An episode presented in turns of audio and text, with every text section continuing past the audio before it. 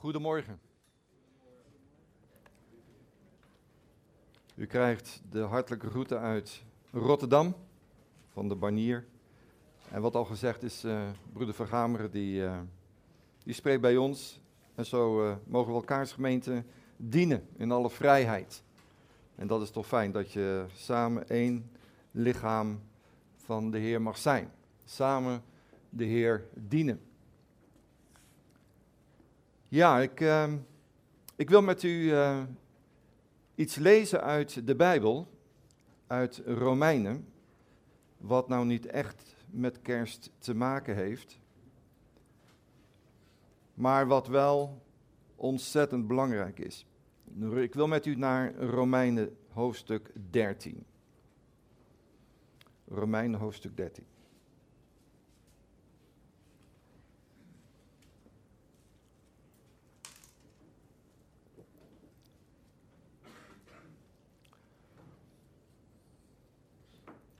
En dan lezen wij vanaf het elfde vers. Dus Romeinen, hoofdstuk 13, vanaf vers 11. En dat gaat over de liefde tot de naaste. Maar daar ga ik het nou even niet over hebben. Ik begin bij vers 11. En dit des te meer omdat wij het beslissende tijdstip kennen namelijk dat de tijd reeds is aangebroken, dat wij uit de slaap ontwaken. Want nu is de zaligheid dichter bij ons dan toen wij tot geloof kwamen. De nacht is ver gevorderd en de dag is nabijgekomen. Laten wij dus de werken van de duisternis afleggen en de wapens van het licht aandoen. Laten wij als op klaarlichte dag op een gepaste wijze wandelen. Niet in zwelgpartijen, niet in dronkenschappen, niet in slaapkamers en losbandigheden, niet in ruzie en afgunst. Maar, zegt Paulus, maar bekleed u met de Heer Jezus Christus. En verzorg het vlees niet om begeerten op te wekken. Ja, bijzonder wil ik stilstaan bij vers 12. De nacht is ver gevorderd en de dag is nabijgekomen. En laten wij de werken van de duisternis afleggen en de wapens van het licht aandoen. Hoe vaak vragen we aan elkaar hoe laat is het? Ik denk heel vaak. Vrouw, hoe laat is het? Of man, hoe laat is het?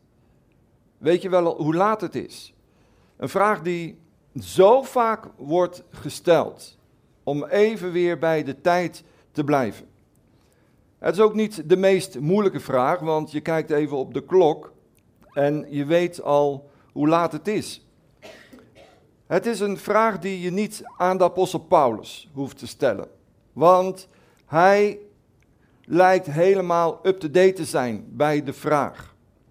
Het is voor hem überhaupt eigenlijk helemaal geen vraag. En hij zegt als het ware, je weet toch hoe laat het is. Het is de hoogste tijd, zegt hij, om uit je slaap te ontwaken. Want Jezus komt eraan. En natuurlijk, in deze dagen zijn we vol van kerst en, en de komst van het kinderke Jezus. Uh, nou ja, weet u, het kinderke Jezus is al lang geen kinderke meer. Hij is de koning der koningen. Hij is de Heer der heerscharen. Hij is de machtige God. dus dat kinderke, dat, dat romantische van de kribben, dat is al lang passé. En het is trouwens ook wel eens goed om onderzoek te doen naar kerst, want ik heb dat eens gedaan. We zijn de laatste tijd mee, mee bezig met kerstfeest. En hoe meer je daarin gaat verdiepen, hoe meer afstand je gaat nemen van het hele kerstgebeuren. Want het heeft helemaal niks met de Bijbel te maken eigenlijk. Het is gewoon een romantisch feestje wat ooit in 300, 350 na Christus is bedacht door de Rooms-Katholieke Kerk. Maar goed, daar gaat het even niet om. Het gaat erom dat wij weten hoe laat het is. Want de Heer Jezus, Hij is gekomen. Ja, absoluut. Maar de Bijbel zegt erover, de Heer, die komt opnieuw. En slapen, en we zien dat Paulus daar ook over spreekt, laten we wakker worden. Nou, slapen doen we meestal s'nachts, als het goed is. Tenzij je nachtdiensten draait. Maar een goede, gezonde slaap, daar is helemaal niks mis mee. Want dan kunnen we de dag ook weer aan. Maar als er in de Bijbel over de nacht wordt gesproken, dan heeft dat alles te maken met een diepere betekenis. De nacht heeft betrekking op het kwade in onze tijd. En Paulus zegt eigenlijk: let op de tijd, let op Israël, let op de dingen waar we mee worden geconfronteerd. En de dag verwijst naar de wederkomst van Jezus Christus. Nu, de woorden nacht en duisternis gaan vaak over de dingen die eigenlijk het daglicht niet kunnen verdragen.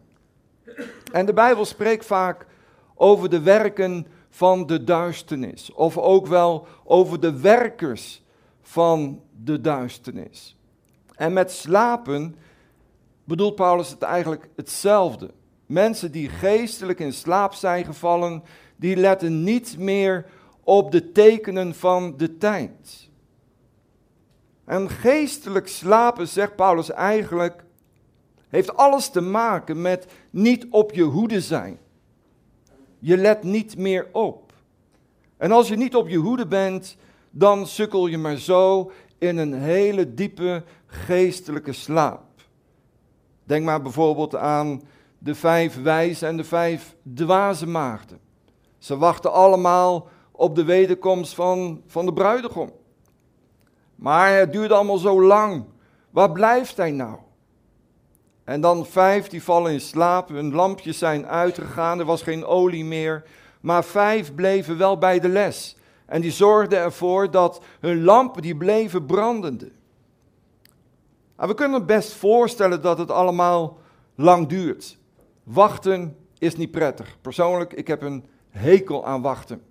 Ik ben van nature nogal wat ongeduldig. Maar ja, ik lees gelaten 5 vers 22 maar regelmatig door. Als ik voor een stoplicht sta of hij springt net op rood als ik aankom. Lijkt wel of hij dat aanvoelt. Hekel komt eraan. Nou, weet je wat, we springen maar gauw weer op rood. En ik denk, heer, gelaten 5 vers 22. Maar soms duurt het zo lang dat je van vermoeidheid en door alle beslommeringen die we meemaken, zo in het leven, dat je in slaap dreigt te vallen. En als je slaapt, dan ben je niet op je hoede en dan ben je ook een makkelijke prooi voor zonde. En daarom roept Paulus ons op, als het ware, mensen, word wakker, wakker worden, kom op. Zorg dat je lampen gevuld zijn met de olie van de Heilige Geest. Want Jezus, Hij komt eraan. Jezus, Hij is aanstaande. En de wederkomst komt steeds dichterbij. Of het nu willen of niet, maar de wederkomst is nabij. Elke kerstfeest wat gevierd wordt, elke maand die weer voorbij gaat, elke dag die weer om is, ieder uur is weer een stap dichter bij de wederkomst van Jezus Christus. En Jezus, of Paulus, die geeft dat voor de Romeinen ook heel concreet aan. In vers 11b. En zo is ook elke verjaardag wat we vieren. Eén die ons dichterbij brengt bij de wederkomst van Jezus. Nu is het helaas, en ik let er ook op, gewoon door de predikingen heen die we horen, er wordt heel weinig gesproken over de wederkomst van Jezus Christus. Allerlei onderwerpen worden behandeld, behalve het meest fundamentele waar het om gaat, de wederkomst van Jezus. Je hoort er bitter weinig over in preken, ook eigenlijk heel weinig in bijbelstudies.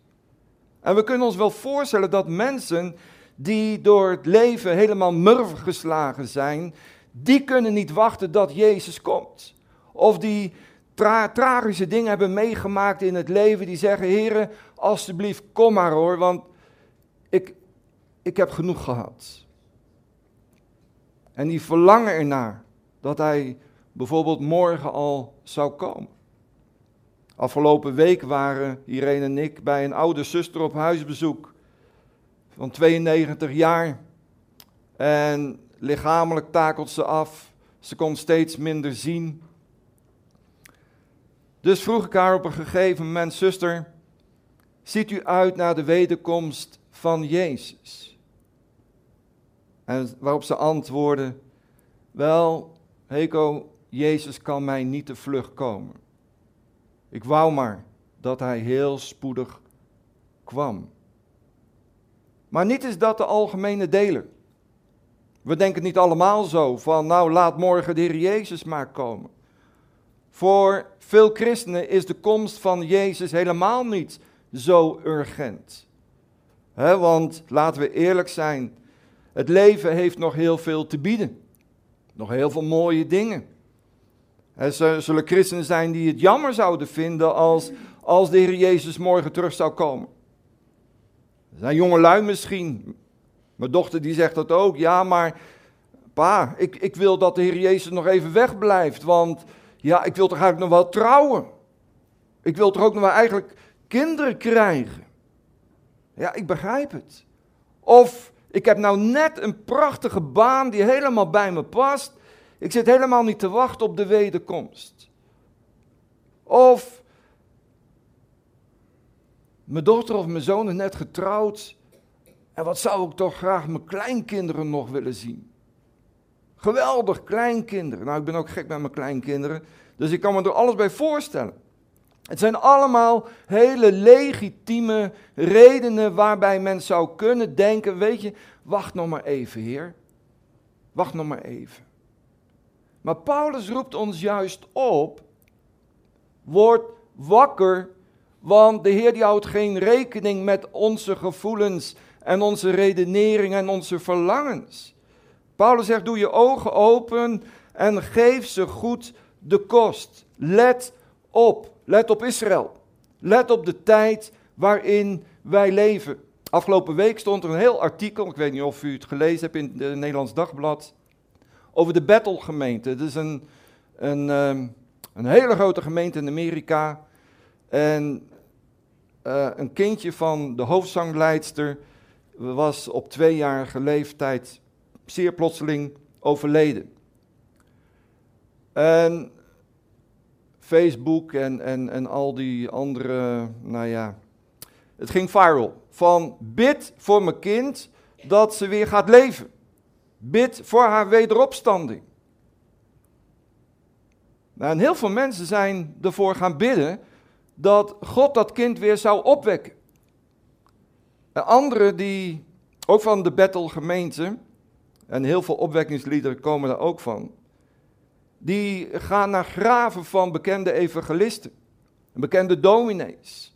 En ze gaan op die graven liggen van die, van die overleden evangelisten, die bekende sprekers, zodat de zalving van die sprekers, van die bekende personen op hun mag overgaan. En dan denken ze aan Elia, Elisa. Dat is de tijd waarin wij leven. Het is nacht.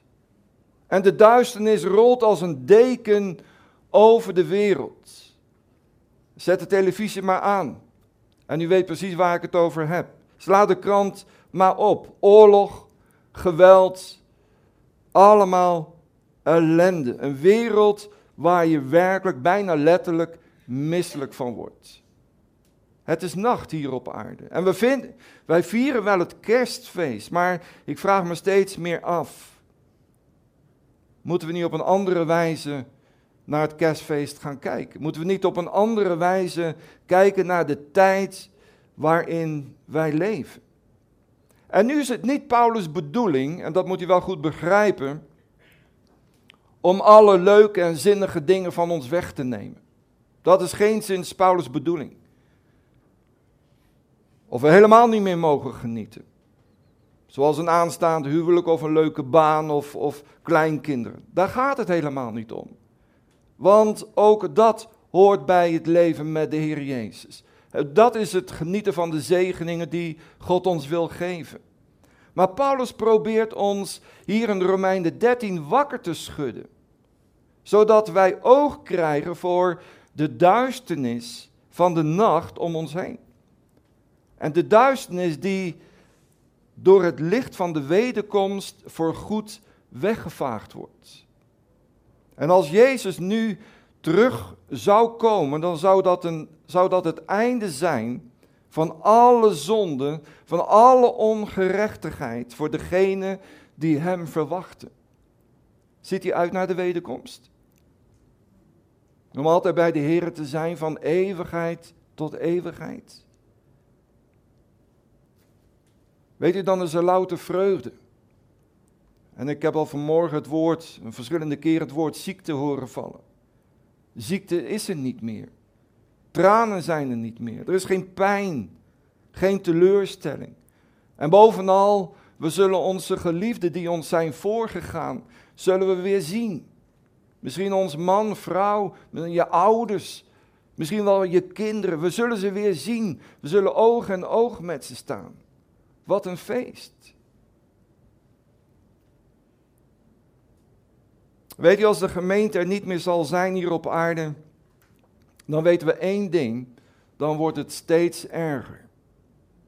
Dat heeft Jezus ook gezegd. En de nacht zal steeds duisterder worden. Want de tegenhouder, de weerhouder, zal er niet meer zijn. En daarom zegt Paulus: mensen opstaan, wakker worden. En nu staat niet je moeder heel liefkozend door je haar te wrijven van schatje, het is tijd om op te staan, kom op, je moet naar school.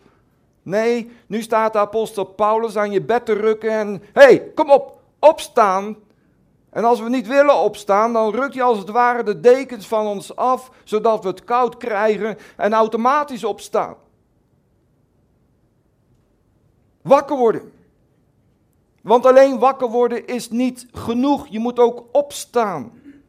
Het is een actie waarop een reactie volgt. Je moet uit je bed komen. Het is iets waar sommige christenen heel veel moeite mee hebben op zondagmorgen. Om uit bed te komen. Hier niet, maar in Breda of in Rotterdam wel. Helaas. Maar Paulus zegt: Leg de werken van de duisternis af. Stop met de dingen die het daglicht niet kunnen verdragen. En hij richt zich hier tot christenen. Hij richt zich niet tot heidenen, maar hij richt zich hier tot een gemeente in Rome. Een jonge gemeente. Want hij zegt, want als je dat doet, dan mag je nu al ervaren dat het licht wordt in je leven. Als je breekt met de duisternis.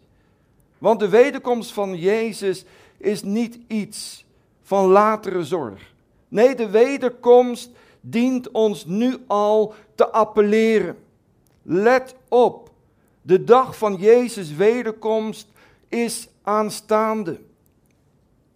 En daarom dient ons leven nu al anders te zijn. De NBG-vertaling zegt, gij geheel anders, gij hebt Christus leren kennen. Herziende Statenvertaling zegt het zo, maar u hebt Christus zo niet leren kennen. Als u hem tenminste gehoord hebt en door hem bent onderwezen, zoals de waarheid in Jezus is, namelijk dat u wat betreft de vroegere levenswandel de oude mens aflegt, die te gronde gaat door de misleidende begeerte, en dat u vernieuwd wordt in de geest van uw denken. Met andere woorden, word vernieuwd in je denken.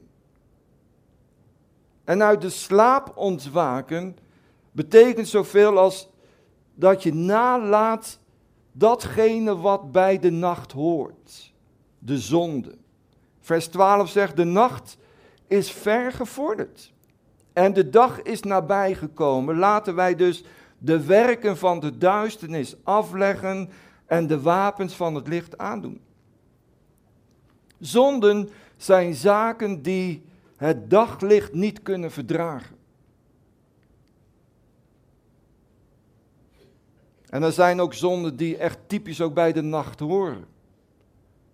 De meest ongure types, die worden s'nachts wakker. Die struinen over de, en door de straat om te kijken waar ze kunnen toeslaan. Steekpartijen, schietpartijen, noem maar op. Wanneer vindt dat plaats? Liefst als het donker is, als niemand het ziet. En als ouders laat je je dochter ook niet graag meer in het donker over straat gaan. Er zijn bij ons als zusters die, die komen echt niet naar de bidstond of bijbelstudie als het donker is. Ze zijn gewoon bang om bij ons in de wijk te lopen. Zo ernstig is de tijd. Maar ook op klaarlichte dag gebeuren dingen die het daglicht niet kunnen verdragen. Laatst stond er ook weer, of was ook op het nieuws, een man van 64 was aan het pinnen. Een dag voor zijn pensioen.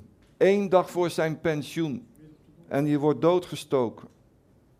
Dat is de tijd waarin wij leven. En we, we lezen die dingen door en dan denken: oké, dat krijgt weer een plaatsje. Up naar de volgende weer. En zo gaan al deze dingen die gaan voorbij. En we zien dat het allemaal weeën zijn van de tijd waarin wij leven.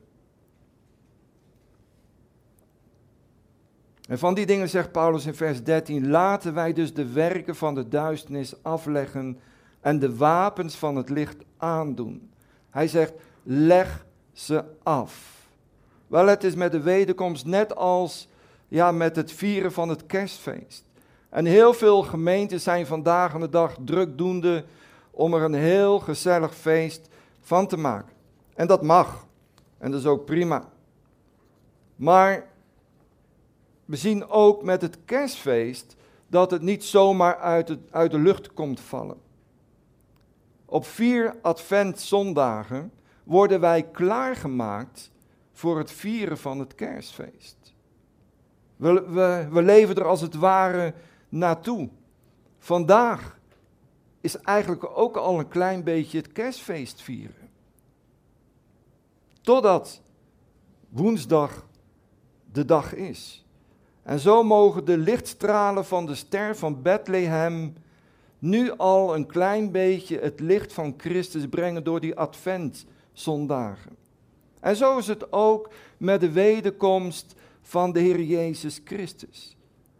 Als wij de Zoon des Mensen zien komen op de wolken van de hemel, dan is het feest.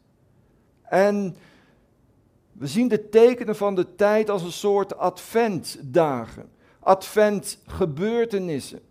Gebeurtenissen die ons wakker moeten maken, die ons moeten appelleren van let op. Wij werken allemaal toe naar die bewuste dag, dat moment dat Jezus uit de hemel neerdaalt en zal komen op de wolken van de hemel. En de gemeente van Jezus. En als gemeente van Jezus mogen we nu al iets van Christus laten zien door als christenen, als kinderen van het licht te wandelen, elke dag weer opnieuw. En waar dat zichtbaar is, daar zal de dag van Jezus ons ook nooit plotseling overvallen. Waarom? Wel omdat we iets van die dag in elkaars leven mogen zien. En ik zeg expres iets, want het is nog steeds nacht. En dat zien we ook best wel in ons eigen leven, als we eerlijk zijn. Want we kennen bij onszelf toch ook wel die momenten en die zwakheden van het vlees, van nijd, twist, jaloezie, afgunst en soms ook van wellust. En ieder van ons kan zo zijn eigen plaatje schilderen van die, van die nacht, waarin wij persoonlijk nog leven. In een gebroken wereld, een gebroken maatschappij die toch invloed heeft op de gemeente, maar ook op ons christenen. En juist daarom zegt Paulus in vers 12: Doe je ogen open. Sta op. Laat de nacht de nacht. Onbekende tijd waarin we leven. En in vers 14 zegt hij: En verzorg het vlees niet om de begeerten op te wekken. En met deze tekst bedoelt Paulus dat we de tijd moeten onderkennen en de zonde niet moeten koesteren. En nogmaals, hij richt zich niet tot heidenen, maar tot christenen. Daarom laten we als christenen transparant zijn. Wees open. Wees eerlijk. Wees oprecht in je wandel naar elkaar, maar ook naar de Heer toe. En dat mis ik best nog wel eens in de gemeente. Transparantie. Eerlijk zijn. Zeg het waar het op staat. En wel op een goede wijze natuurlijk. En op een liefdevolle wijze. Maar wat je vaak ziet is dat, oh daar staat iemand die mag me niet, of ik mag die persoon niet, weet je wat. Die staat daar en kijk even, nou weet je, dan pak ik die uitgang wel. Want, ja weet je, anders dan moet ik hem een hand of haar een hand geven. Daar heb ik nou eigenlijk helemaal geen zin in. En dat is wel een tendens wat we eigenlijk nog steeds in de gemeente van Christus zien. En weet je, dat zijn best lastige dingen om mee om te gaan. En dat merk je iedere keer weer, ook bij jezelf. Het is heel moeilijk om die dingen van die, die Paulus ons aanreikt, om die ook aan te doen. Dat wij gezien mogen worden als kinderen van het licht en daarin ook mogen wandelen. En dat kunnen we niet alleen, laten we eerlijk zijn. Daar hebben wij de Heilige Geest bij nodig. En daarom dienen wij ons te bekleden in vers 14 maar bekleed u met de Heer Jezus Christus en verzorg het vlees niet om begeerte op te wekken. Bekleed u met de Heer Jezus. Wel door de waterdoop zijn wij christenen in Christus gedoopt. En daarom zegt Romeinen 6, vers 3, of weet u niet dat wij allen die in Christus Jezus gedoopt zijn, in zijn dood gedoopt zijn? Het gaat om een dagelijks leven vanuit de nieuwe mens. Met Christus zijn we begraven en in Christus zijn we als nieuw persoon opgestaan. En daarin mogen we wandelen vanuit die nieuwe mens, omdat wij Jezus hebben aangenomen. Een hele nieuwe creatie. Romeinen 6, vers 4, want we zijn dan met hem begraven door de doop in de dood opdat evenals Christus uit de doden is opgewekt tot de heerlijkheid van de Vader, zo ook wij in een nieuw leven zouden wandelen. In een nieuw leven. Een heel nieuw leven. Met Christus gestorven. Met Hem opgestaan. In een nieuw leven. Wel, Jezus komt eraan. En daarom, zegt Paulus, is het tijd om op te staan. De nacht, de nacht te laten en de zonde af te leggen. Jezus komt eraan. En daarom is het nu tijd om je aan te kleden. En de kleren die je aan moet doen, die krijg je van de Heer Jezus. Van God zelf. Vers 12 zegt, doe de wapenen des lichts aan. Het is opvallend dat Paulus het heeft over de werken van de duisternis en de wapens van het licht. Dus waar wapens zijn, daar moet waarschijnlijk toch iets van oorlog gevoerd worden. Want anders zou de Bijbel ons geen wapens geven. En dat heeft Paulus goed gezien. Het is een gevecht. En laten we eerlijk zijn als christen om heel dicht bij de Heer Jezus te zijn. Om daarbij te blijven. Om Hem te volgen in zijn voetstappen. En daarvoor kunnen we allemaal getuigen. Zonder toelaten in je leven, weet je, dat is makkelijk genoeg. Dat is geen kunst, want dat gaat vanzelf. Maar het is wel een heel gevecht, iedere keer weer opnieuw, om als een kind van het licht te wandelen in de voetsporen van Jezus. En dat komt je niet bepaald aanwaaien. En die, die wapens, die hebben we nodig. Die hebben we daar juist voor nodig. En die hebben we van de Heer zelf gekregen. Daarom Efeze 6. Zo bekend, de wapenrusting. Paulus heeft het uitgebreid juist over die wapens die ons door de geest worden aangereikt. Hij heeft het over het panzer van de gerechtigheid. Hij heeft het over de helm des heils, over ons gedachtenleven. De schoenen van de bereidvaardigheid van het evangelie van de vrede. Om het evangelie te, eh, te verkondigen. En hij, hij noemt ook twee dingen die we niet kunnen aandoen, die we niet kunnen aantrekken, maar die we wel goed moeten vasthouden. En dat is het zwaard van de geest.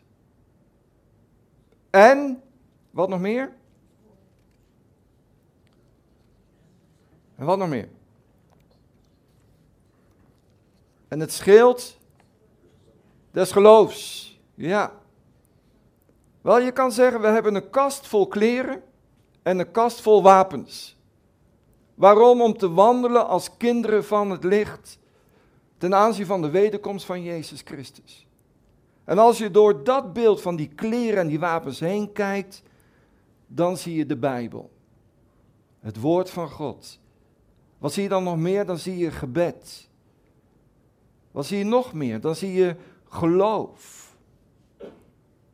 Waar we het komende jaar 2020 uit mogen leven.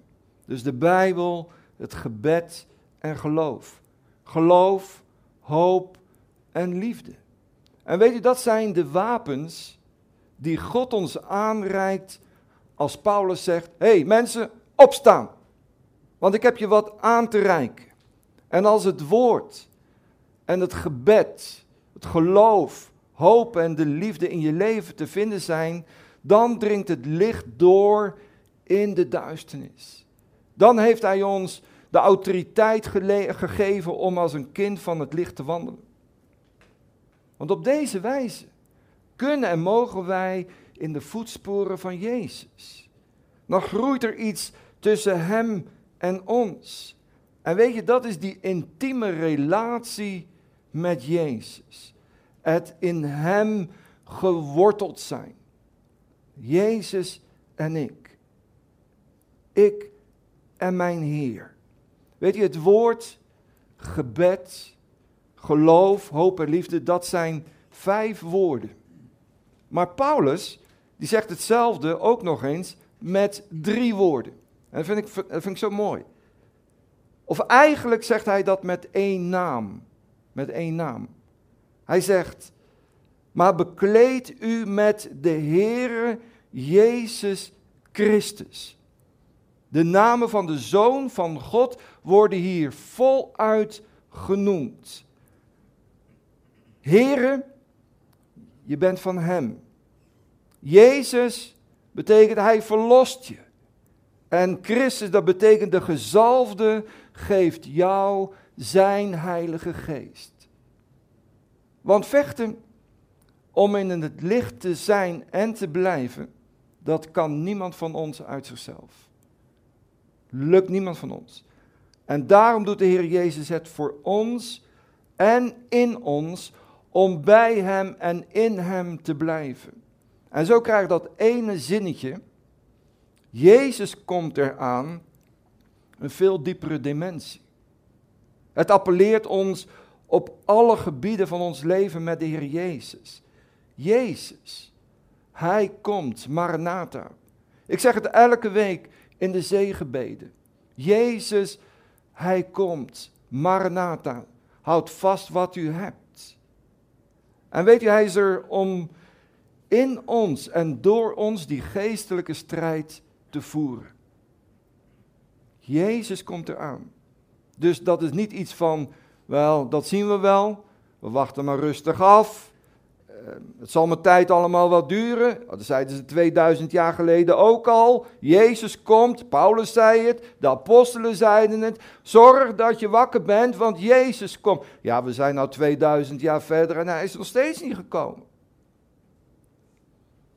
Ik geloof dat de Heer heel spoedig komt. En je moet wel blind zijn om te zeggen van nou het duurt nog wel honderd jaar. Nee, laten we ons gereed maken, want hij komt eraan. En Paulus vindt de gelovigen, de houding van de gelovigen net zo belangrijk als hun handelen. Het moet uit liefde voor God gebeuren. Door Zijn gezag en autoriteit te erkennen in ons leven. Daarom eindig ik ook met de vraag waarmee ik ben begonnen. Weet je hoe laat het is? Weet je werkelijk hoe laat het is? En moeten we even niet op de klok kijken, maar weten wij geestelijk hoe laat het is? Zijn wij klaar om Jezus te ontmoeten? En niet alleen bij de wederkomst, en ik zeg het ook vaak bij begrafenissen. Lieve mensen, de dood kent geen leeftijd. Helaas. De dood kent geen leeftijd. Zijn we klaar om Jezus te ontmoeten? Kunnen we Hem in de ogen kijken? En op weg naar Jezus' wederkomst is het de vraag die we elkaar, maar ook onszelf moeten stellen. Ben ik klaar? En die we eigenlijk te weinig stellen, omdat we zo opgeslokt worden door van alles en nog wat. De drukte van de agenda, de drukte van het werk. We worden zo bezig gehouden. Maar het is zo belangrijk om als je opstaat, even in de spiegel te kijken. En tegen jezelf te zeggen, ben ik vandaag klaar? Als hij komt en de bezuin zal klinken, ben ik klaar om hem te ontmoeten. Wel, ik hoop en ik bid dat we klaar zullen zijn als de bezuin zal klingen, klinken en de aartsengel zal roepen. 1 Thessalonicense 4, vers 16 en 17. En de doden die in Christus zijn, zullen eerst opstaan. En daarna zullen wij, de levenden die overgebleven zijn, samen met hen opgenomen worden in de wolken. Naar een ontmoeting met de Here in de lucht. En zo zullen wij altijd bij de Here zijn. Zo dan. Troost elkaar met deze woorden. Want ook daarin ligt zo'n belangrijke troost. Dat Jezus, Hij komt. En de smart die we misschien vandaag hebben te dragen, is voor korte duur. Want de bezuin zal spoedig klinken. Amen. Zullen we met ons over de